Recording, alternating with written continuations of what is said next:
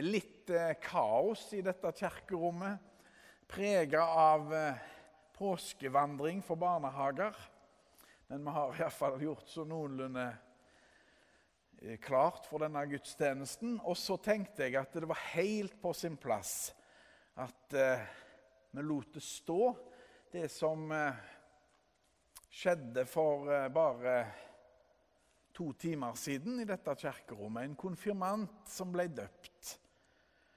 Vi var bare seks stykker til stede, men uh, hun ble døpt uansett.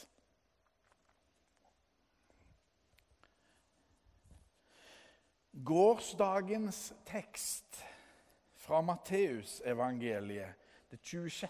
kapittelet, det er egentlig en voldsom symbolhandling. For nå skjer det, i det som vi snart skal lese, at Messias, eller på gresk Kristus, altså den salvede, faktisk blir salva. Det er rett før påske. Nettet snører seg sammen rundt Jesus. Og Jesus vet det. Disiplene lar seg forarge over sløsinga med den kostbare salven som vi snart skal lese om. Og vi leser Mens Jesus var i Betania, hjemme hos Simon den spedalske, kom det en kvinne bort til ham med en alabastkrukke med kostbar salve. Den helte hun ut over hodet hans mens han lå til bords.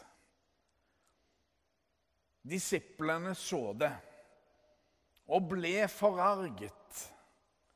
Hva skal denne sløsingen være godt for, sa de. Salven kunne vært solgt for en stor sum og pengene gitt til hjelp for de fattige.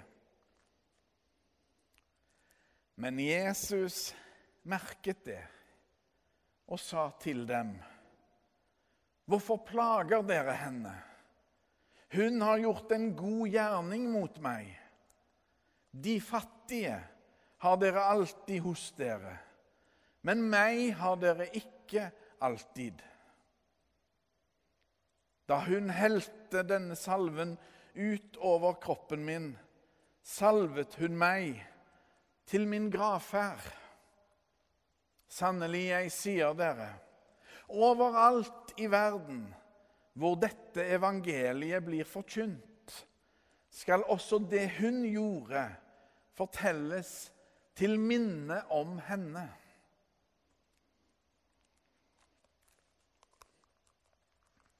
den salvede. Det er sjølveste Guds sønn, det. Og det skjer via en som vekker forargelse. Navnet hennes er ikke nevnt, verken hos Matteus eller hos Markus.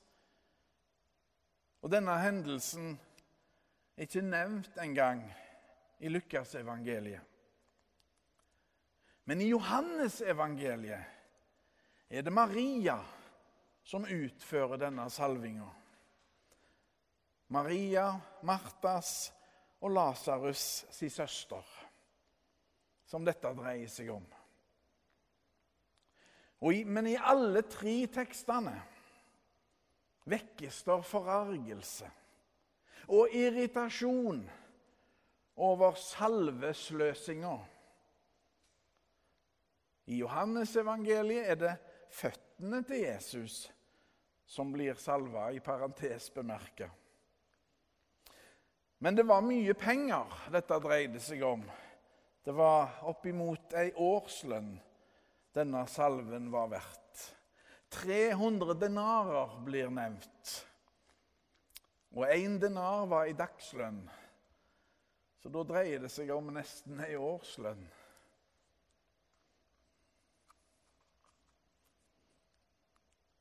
Jesus sa, 'Hun har gjort en god gjerning mot meg.'